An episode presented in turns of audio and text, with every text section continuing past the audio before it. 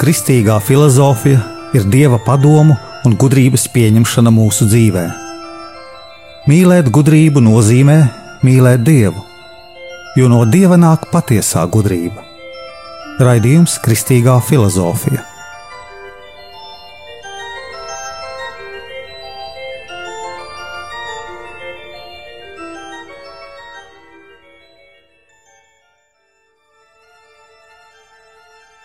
Es esmu Jānis Valtra Vitsenheims, un ar jums ir 13. raidījums filozofijā - kārtība pasaulē.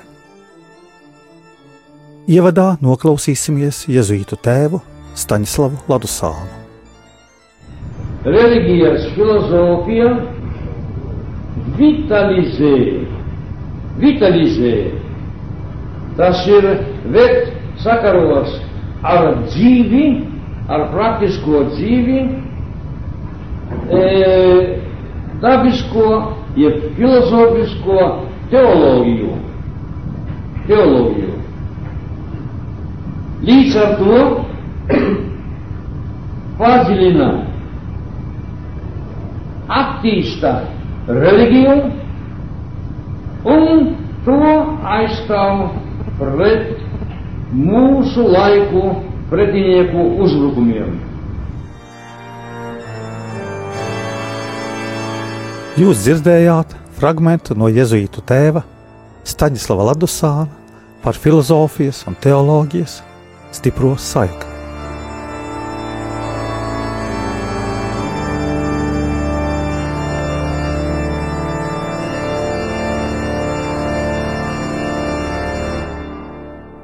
Mūsu domāšanā, mūsu patiesības meklējumos ir cieša saikne filozofijā ar teoloģiju. Atgriešanās ir daudzos cilvēkos. Tā bija gan muitniekos, gan zagļos. Patreiz tā ir mūsu apkārtnē, gan arī mūsu valdības pārstāvjos. Nedodiet pērles cūkām, saka Kristus, bet viņš viņiem visiem sludina evaņģēliju. Ir daudzi, kas nepieņems evaņģēliju. Pāvils arī saka, ka nevajag uzspiest. Viņš vairākas reizes nepieņem droši vien. Tas var saniknot cilvēku, ka mēs ar to uzbāžamies. Bieži jaunieši izdomā neiet savā vecumā uz baznīcu. Viņiem parādās citas intereses.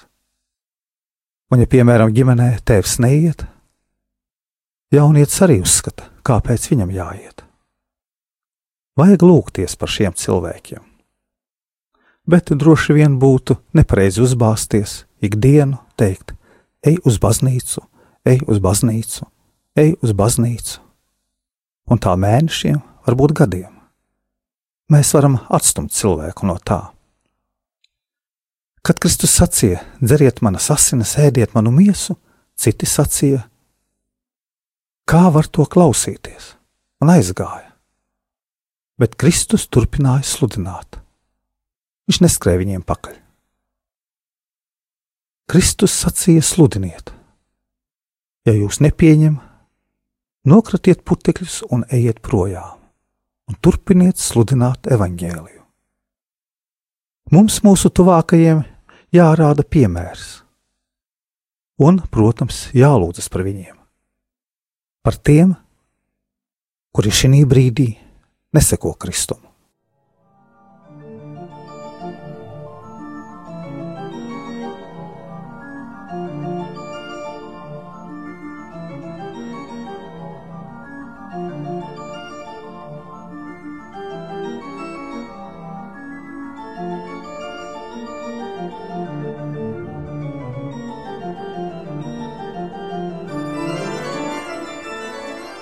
Mēs runājam par kārtību pasaulē un par kārtotāju. Runājam par mērķi, kas nozīmē labumu. Savukārt labums nozīmē to, kas atbilst būtnei, kura darbojas, un ar savu darbošanos šis labums ir jāsasniedz. Tagad apskatīsim kārtību. Kārtība nenozīmē stāvokli, kurā lietas ir katra savā vietā. Lūkojoties dziļāk, kārtība nenozīmē to savstarpējo saskaņu dažādu elementu attiecībās, vai arī to sakarību, kas atšķiras ar ko citu no tiem elementiem. Kārtību mēs varam apskatīt statistiski, kas nozīmē struktūru, un arī kārtība var tikt apskatīta dinamiski, aktivitātē. Arī šī ziņā kārtība nenozīmē darbību, pateicoties kurai būtne tiecas sasniegt sev atbilstošu labumu. Dinamismā kārtība pastāv darbībā. Tā var būt apskatīta gan iekšēji būtnē, ka tur ir saskaņa starp daļām, pateicoties aktīvai saskaņai būtnē, gan arī ārpus būtnes, universā. Kārtība izslēdz anarhiju, vai ko mēs saucam par nekārtību.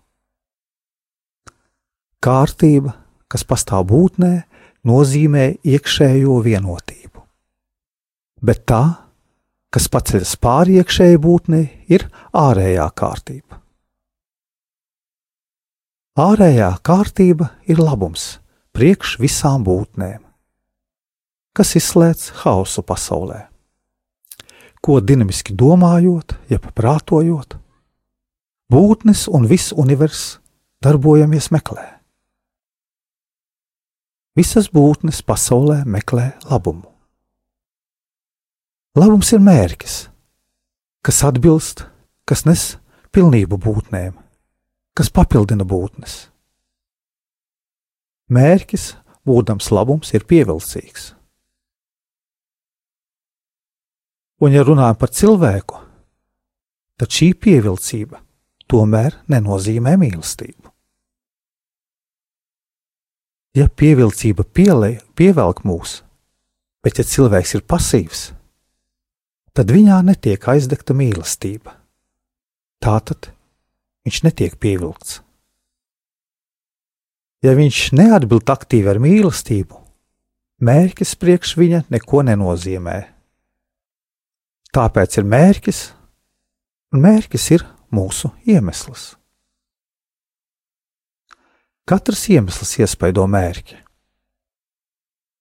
un mūs pievelk. Bet šī pievilkšana nepievelk cilvēku, ja cilvēks neatbild ar savu darbošanos. Mērķtiecīgi darbojas arī neprātīgas būtnes. Visas būtnes, racionālās un neracionālās, darbojas pateicoties mērķim. Katra aktīva būtne darbojas un eksistē mērķa spēkā, mērķa pievilcībā. Tāpēc šis princips attiecas uz visām būtnēm, gan prātīgām, gan neprātīgām, gan arī uz Dievu. Ko nozīmē mērķtiecība? Tas nozīmē ritmu, virzienu, debīgu ievirzi, kurā būtne sasniedz savu piepildīšanos, bet darbojoties. Darbojoties, būtne papildinās savā pilnībā, jo Kristus arī atnāca, lai ne atceltu likumu, bet papildinātu.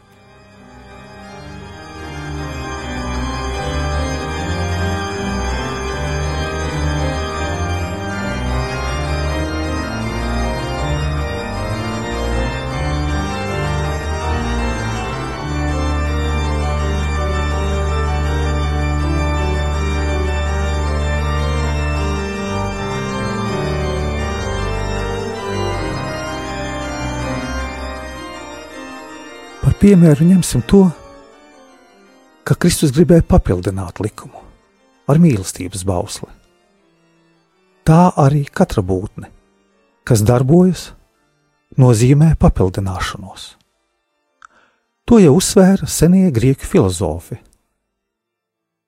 Piemēram, Anaksagars sacīja tā: Kārtība ir prāta iespaida rezultāts.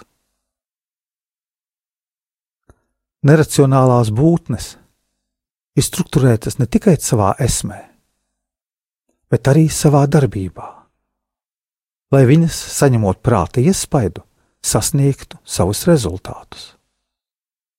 Kā piemēru mēs minējām par putniem agrāk. Viņi darbojas, lido, vairojas, ēd un sasniedz savu rezultātu, eksistē.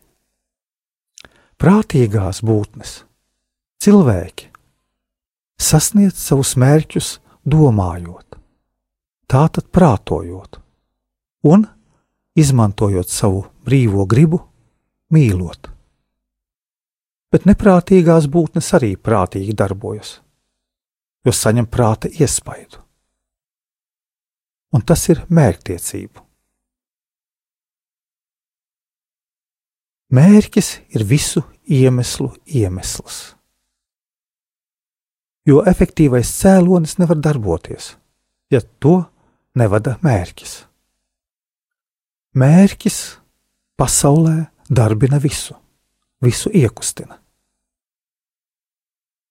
Pasaulē neracionālas būtnes darbojas noteikti un patstāvīgi, lai sasniegtu savus mērķus, lai papildinātos, neizslēdzot sadarbošanos ar ārējo kārtību.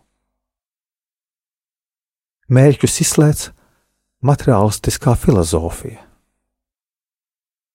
Tā mums bija mūsu okupācijas komunisma laikā.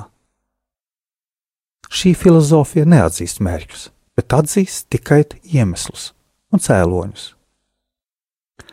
Mēs apskatīsim divas tēzes. Materiālistiskā tēze ir: cilvēks redz tāpēc, ka viņam ir redzes.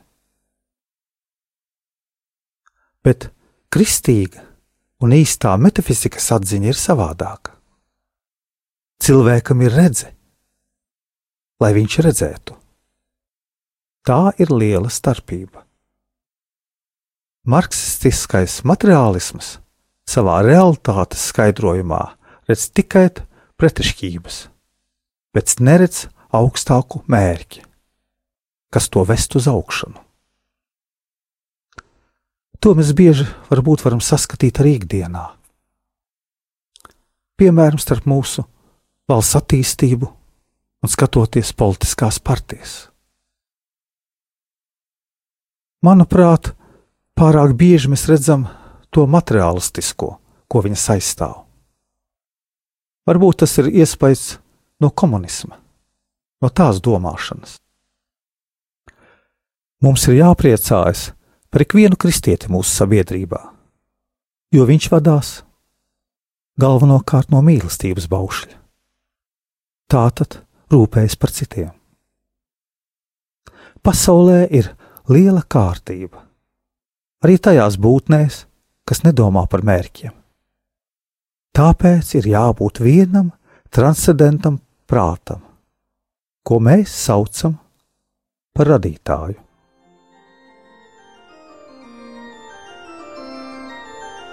Izskanēja raidījums Kristīgā filozofija.